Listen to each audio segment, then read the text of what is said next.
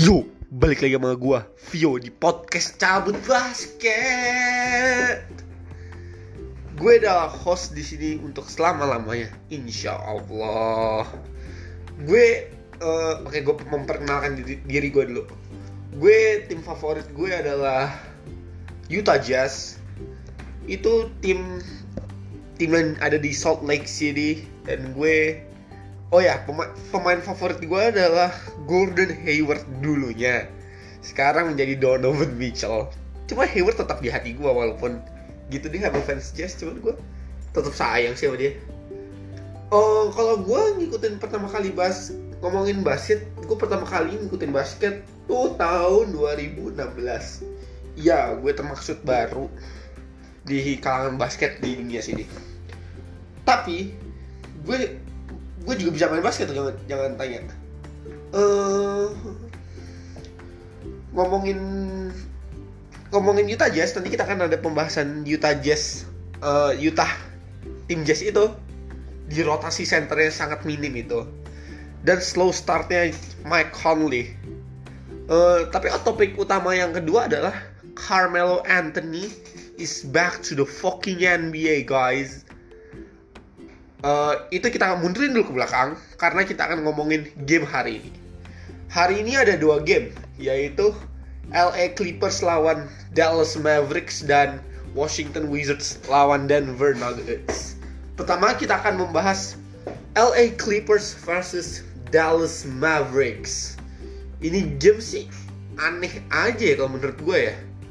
Gue nggak tahu kenapa tapi Luka hari ini bau banget. Sumpah bau banget.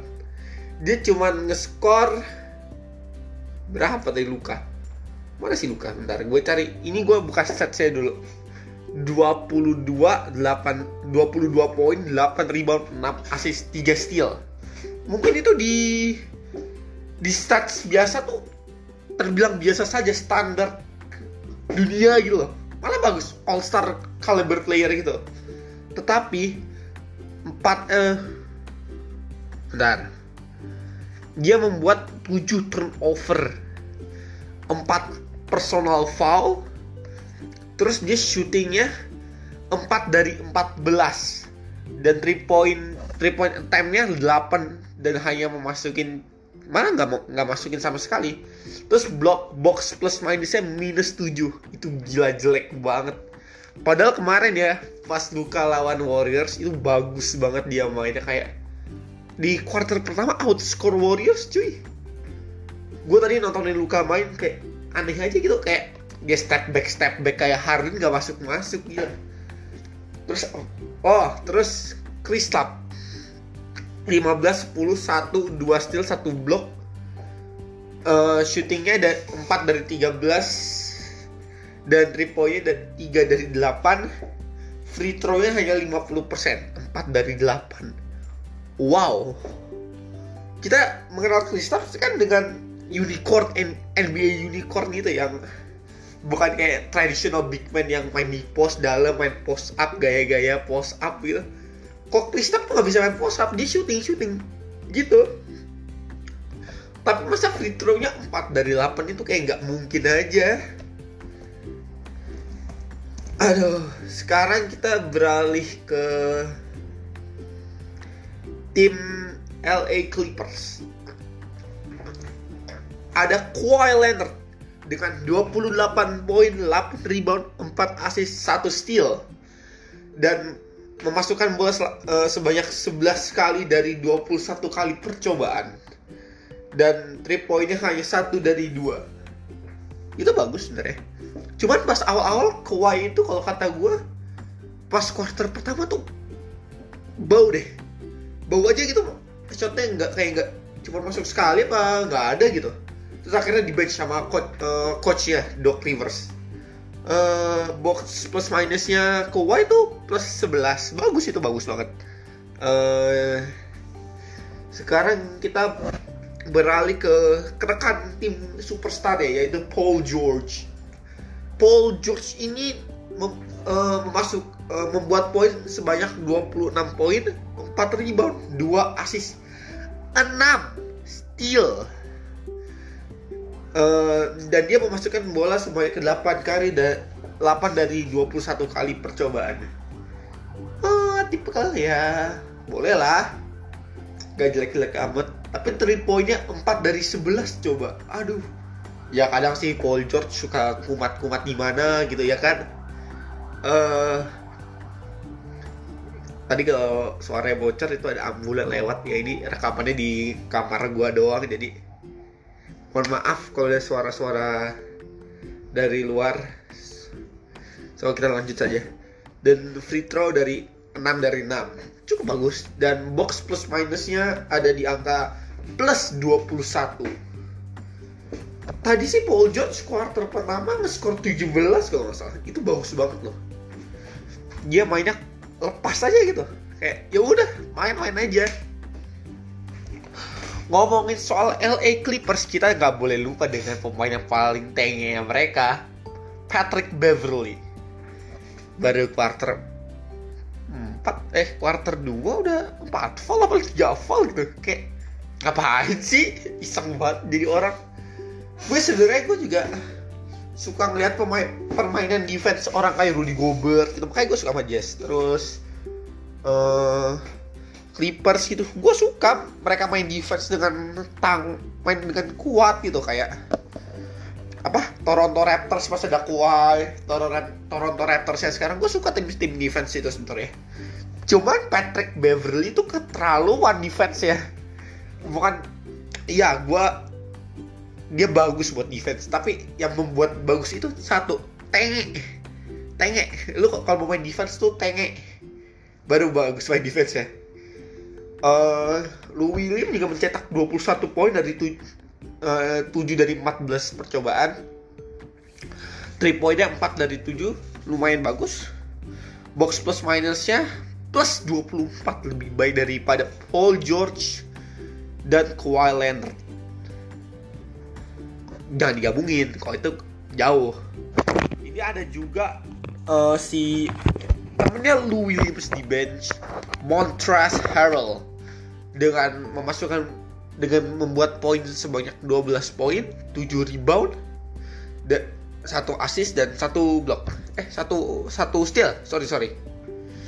Dia masukkan bola 5 kali dari 12 kali percobaan nggak membuat 3 point atau mencobanya dan dia box plus minusnya plus 19 itu sangat bagus untuk seorang bench player. Oke kayak sekian dulu dari Nuggets. Eh dari Nuggets dari LA Clippers sama Dallas Mavericks. Tapi Clippers tadi mainnya lumayan deh rapi-rapi gitu.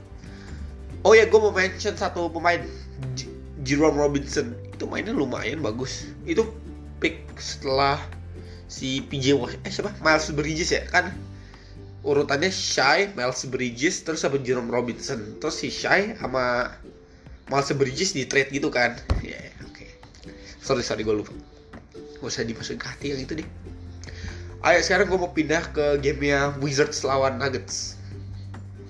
Ini sih yang agak interesting banget buat gue. Aduh. Uh, ngomong-ngomong si Nuggets memenangkan game tersebut dengan skor 117-104 kalau sorry tadi kalau tadi gue bilang kalau belum ya udah gue kasih tahu. Yang menjadi top skornya Denver adalah Jeremy Grant. Iya Jeremy Grant. Pemain yang ditukar first round pick. Jadi misalnya Nuggets gitu first round pick ke OKC waktu itu ini si Jeremy Grant nge-score 20 20 poin, 4 rebound, 1 assist, 2 steal. Uh, terus uh, memasukkan 7 kali dari 13 kali percobaan dan sat, satu kali masuk eh 3 poinnya satu dari 4. Lumayan buat seorang stretch big gitu. Tapi harusnya bisa lebih efisien sih Jeremy Grant setahu gue ya free throw-nya 5 dari 7 boleh. Dan box uh, box plus minusnya min 8 pretty good. Uh, terus ini superstarnya cuman nge-score 8 tapi mem- membuat 20 rebound 5 assist 4 dari 8 shooting. Itu semuanya berarti 2 point semua ya kan? Jadi 4 kali 2 ya 8 ya kan? Membuat 20 rebound ini nih yang membuat keren. 20 rebound. 5 assist dan box plus minusnya plus 10 ada juga nih yang lagi main lagi bagus.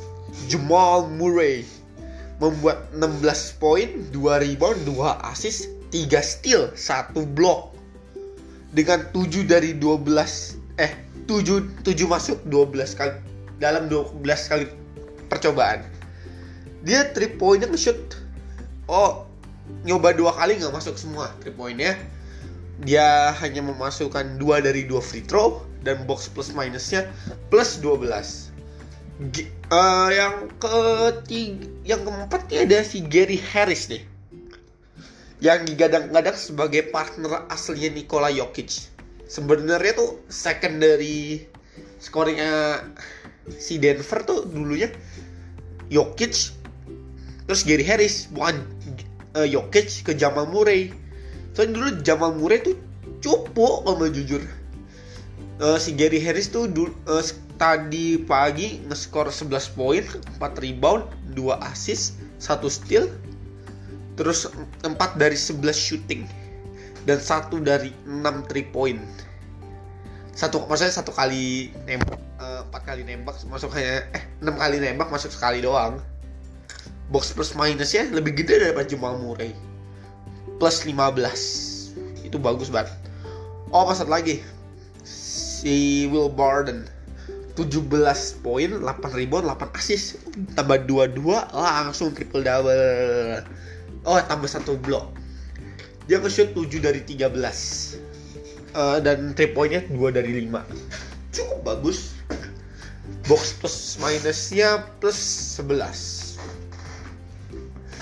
kayak cukup untuk game klip uh, Denver dan Wizards. Saatnya gue pengen masuk ke topik pembahasan utama yaitu Carmelo Anthony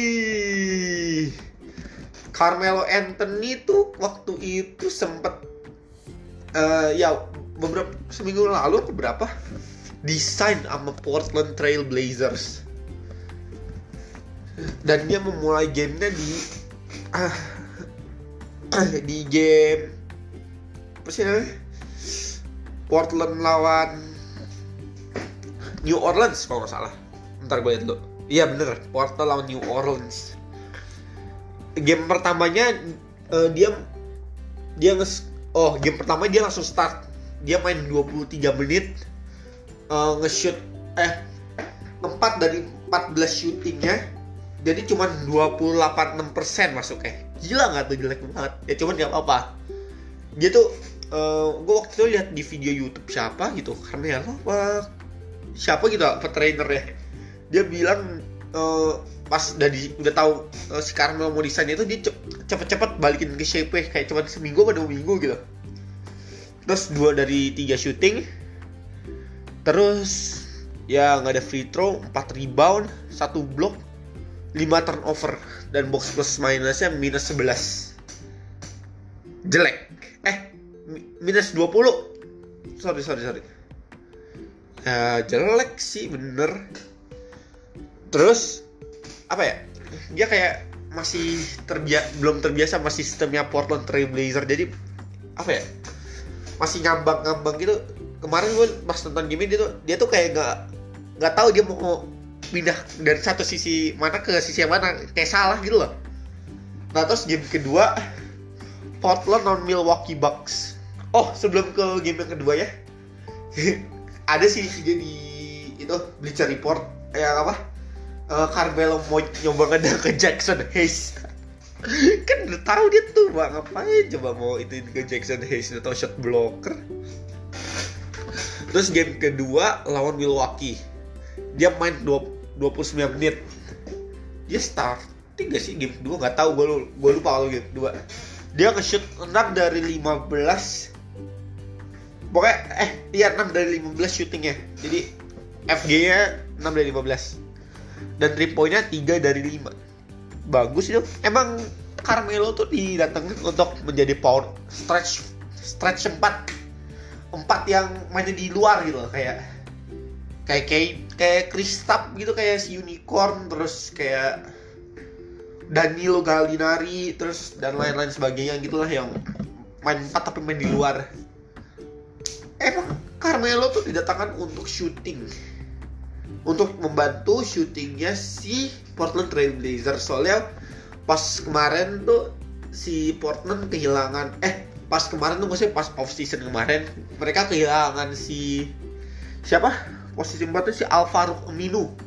Itu yang membawa yang membuat ya apa ya? Kayak kayak core-nya yang buat bantuin de, uh, si Lillard sama McCollum buat ke apa Western Conference Final si itu Alvaro Aminu dan dia kayak stretch four juga jadi ya gitu deh. Kehilangan stretch four itu besar buat sebuah tim. Makanya akhirnya mereka sign si Melo. Tapi bedanya Melo gitu kalau defense. Kalau Minu tuh namanya islami banget deh. Ini bagus. Nggak nggak canda. Ya tapi Melo ya tau sendiri skornya Melo dulu pas di Knicks sama Denver kan gila ya. Jago banget sih kalau kata gue ya udah tuh pas game kedua gue nggak nonton gue jadi gue nggak mau sotoy. Game ketiga Portland lawan Cleveland. Ini apa deh? Lupa gue eh. oh ya ya, ya. inget gue Melo main 30 30 35 menit. Ya tapi itu gue buletin sebenarnya 34 34 menit 39 detik. Dia shooting shootnya 5 dari 15 jadi cuma 33 persen. Dan 3 poinnya 0 dari 8 nah ini masalah nih biasanya. Biasanya kan Melo tuh kalau main suka kayak, kayak ball hawk ball hawk gitu tau gak sih yang mainnya ISO gitu. Set main ISO kayak gitu ya set set set set gitu. Uh, mungkin gak ada gak ada Lillard juga ya pas tiga eh ini ada apa sih? Kayak ada deh lupa gue tapi gue yakin nih dua game pertama si Melo tuh nggak ada Lillard jadi box plus minusnya game pertama minus 20 itu buruk. Dan, dan yang kedua minus satu. Ya ya udah minus satu.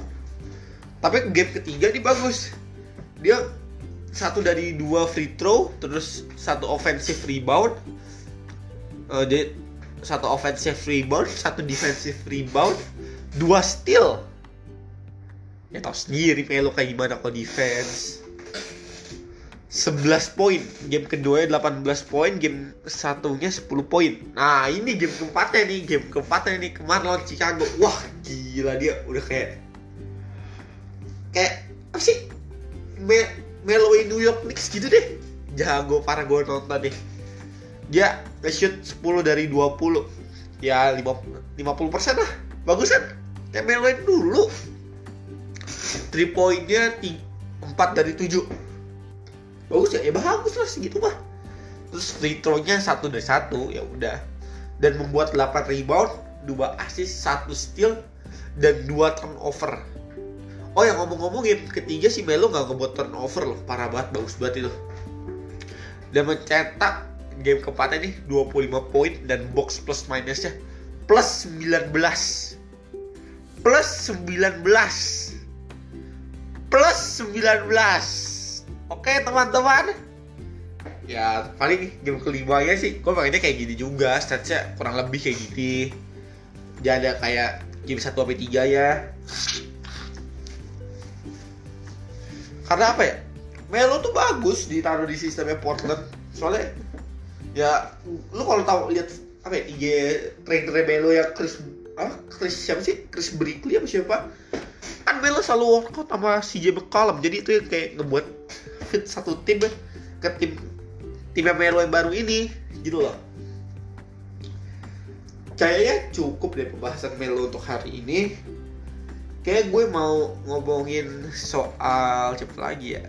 Kayak di segmen berikutnya gue akan ngomongin tentang my colleague and jazz center rotation.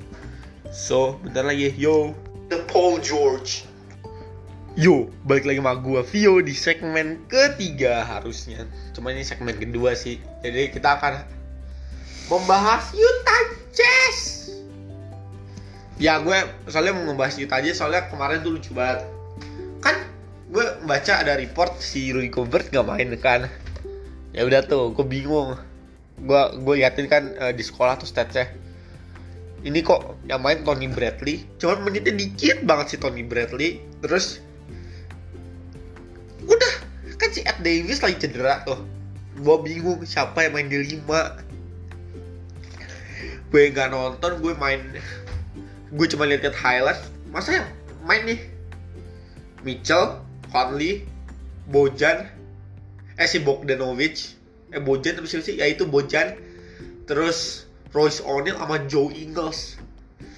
Lu gila gak sih? Lawannya Giannis. Ya jelas lah Giannis kasih 50 poin ke Utah Jazz kalau defense Utah Jazz cuma segitu. Ya apa ya? Rudy Gobert tuh di, bener-bener dimainin kayak dimainin lepas gitu loh. Kayak ya udah lu main 48 menit. Jadi kalau si Rudy Gobert ini kayak full trouble nih. Wah parah banget defense Utah Jazz sih kalau kata gue ya. Hancur banget bapuk defense-nya. Mana kadang-kadang offense ya gitu nggak jalan lah. Kadang apa ya? Sebenarnya udah gak bisa dibahas lagi sih dari Utah Jazz tahun ini. Kalau gak ada Rudy Gobert ancur tim defense nya parah ancur banget deh. Apa ya? Ini Rudy Gobert kemarin gak main satu game kan itu udah kayak gambaran buat ke depannya mungkin. Kalau si siapa ya? Nggak ada center yang bagus lagi kalau Ed Davis cedera apa Tony Bradley kenapa-napa. Aduh parah banget nih ancur banget defense-nya kemarin. Soalnya kan kalau dulu kalau Derek Favors gak cedera ada Derek Favors.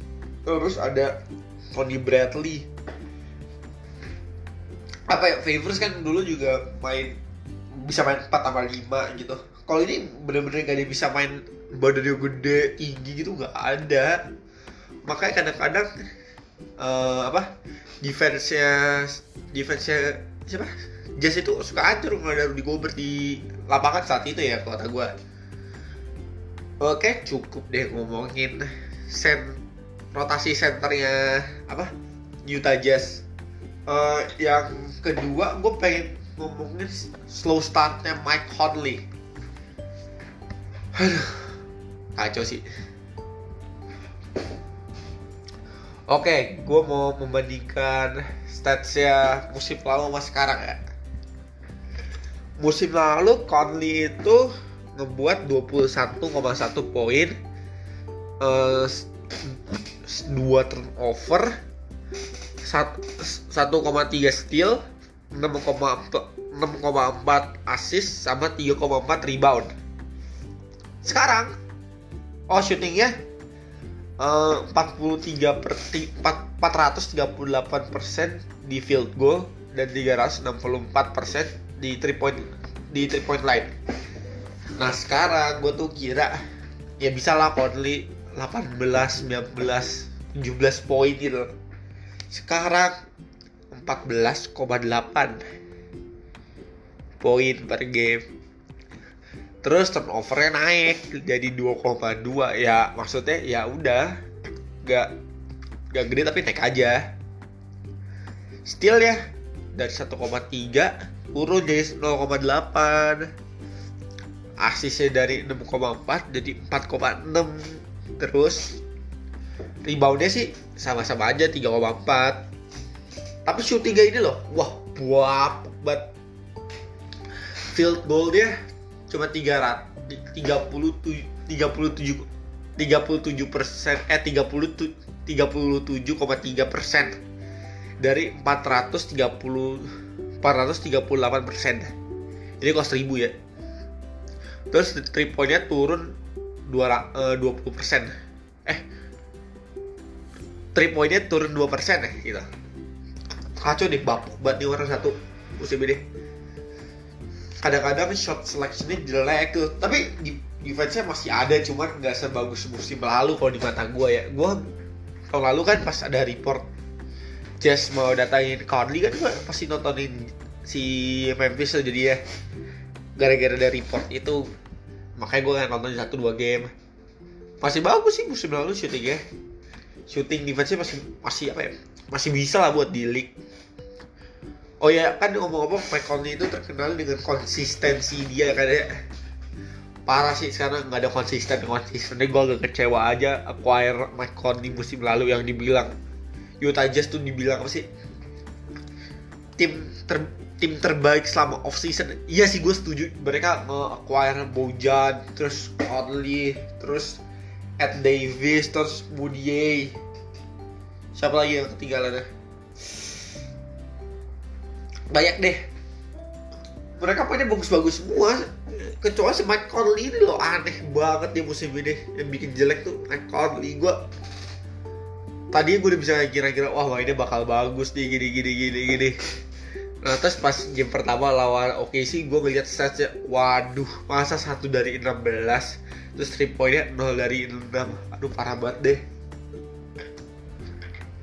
Dia cuma kebuat 5 poin udah tuh gue ya udahlah. Ini kan tim baru dia. Gue kayak ya udah tim baru ya adapta adaptasi lah. Sekali dua kali uh, beberapa game ke depan. Eh terus terusan dong apa kayak gini apa game berapa nih? Sampai game keempat nol dari nol dari tujuh. Terus game kelima baru bagus tuh lawan Clippers 11 dari 17 yang gak ada Kawhi waktu itu. Gue inget banget. Dia 11 dari 17 field goalnya terus 5 dari 8 uh, itu ya maaf sekali lagi untuk mengganggu acara ini karena masih sekolahan gak bisa nyewa tempat gak punya mic bagus ini juga recordnya pakai HP ya pokoknya disupport terus nanti kalau ada duitnya. Baru. Ya oke yuk kita lanjut lagi. Semoga yang ini nggak kemasukan. Gue tutup pakai suara gue pokoknya abis itu abis game itu ya jelek lagi. Eh enggak sih biasa aja. Sampai game ke itu game game kelima game ke enamnya jelek. Gak usah disebutin bisa lihat sendiri. Game ke game ketujuh cuma 8 poin. Game ke 8 15 poin tapi 6 dari 15 boleh lah. Pokoknya apa ya? Gue gue nggak tahu kenapa gue kayak lebih senang lihat si Ricky Rubio sama Donovan Mitchell.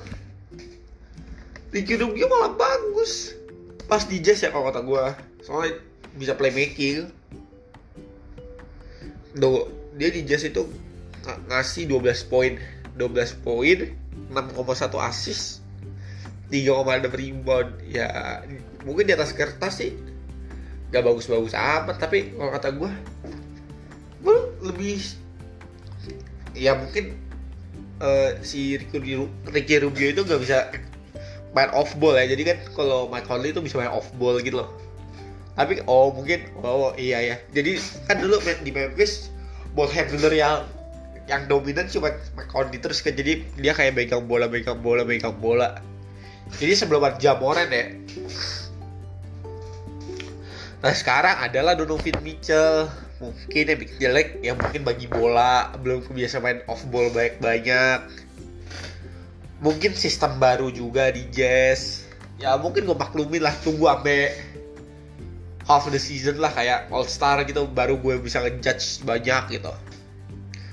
Uh, mungkin kali mungkin kayak mungkin kayak itu doang bisa gue bahas buat hari ini thank you kalau udah listening uh, udah dengerin selama 29 menit. So oke okay.